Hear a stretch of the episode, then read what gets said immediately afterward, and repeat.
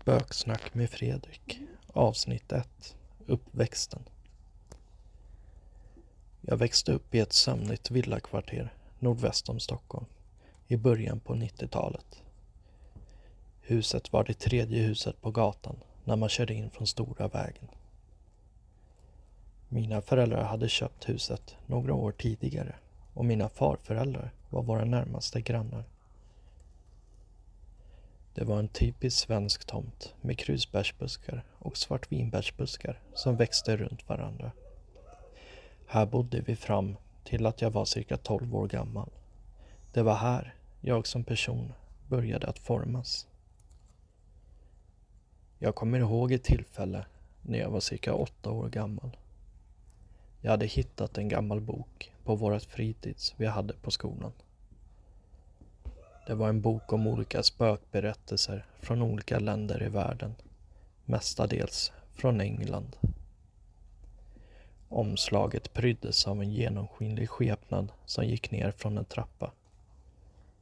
Bilderna och historien i boken påstods vara sanna.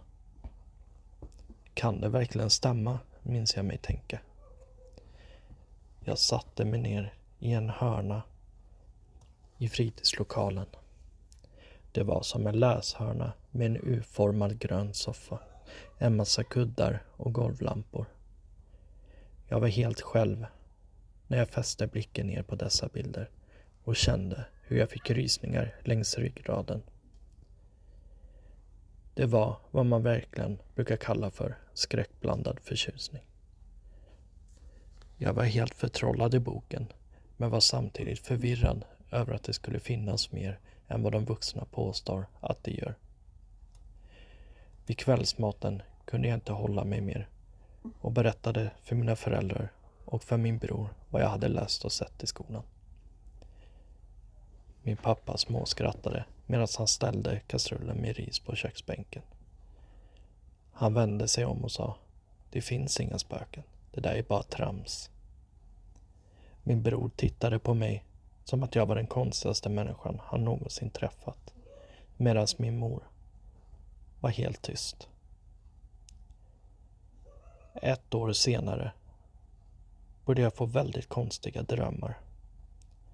Dessa drömmar var återkommande, men det var som att drömmarna spelades upp med samma handling fast i olika avsnitt.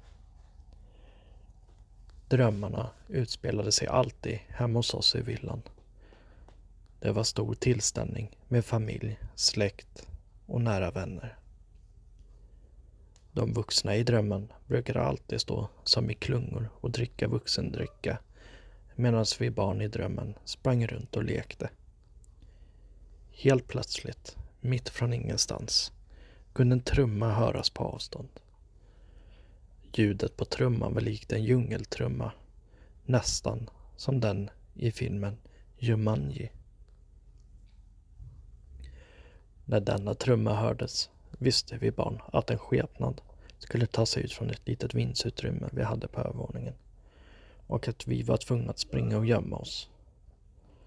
De vuxna kunde fortsätta med sitt, för de visste att skepnaden endast livnärde sig på barn.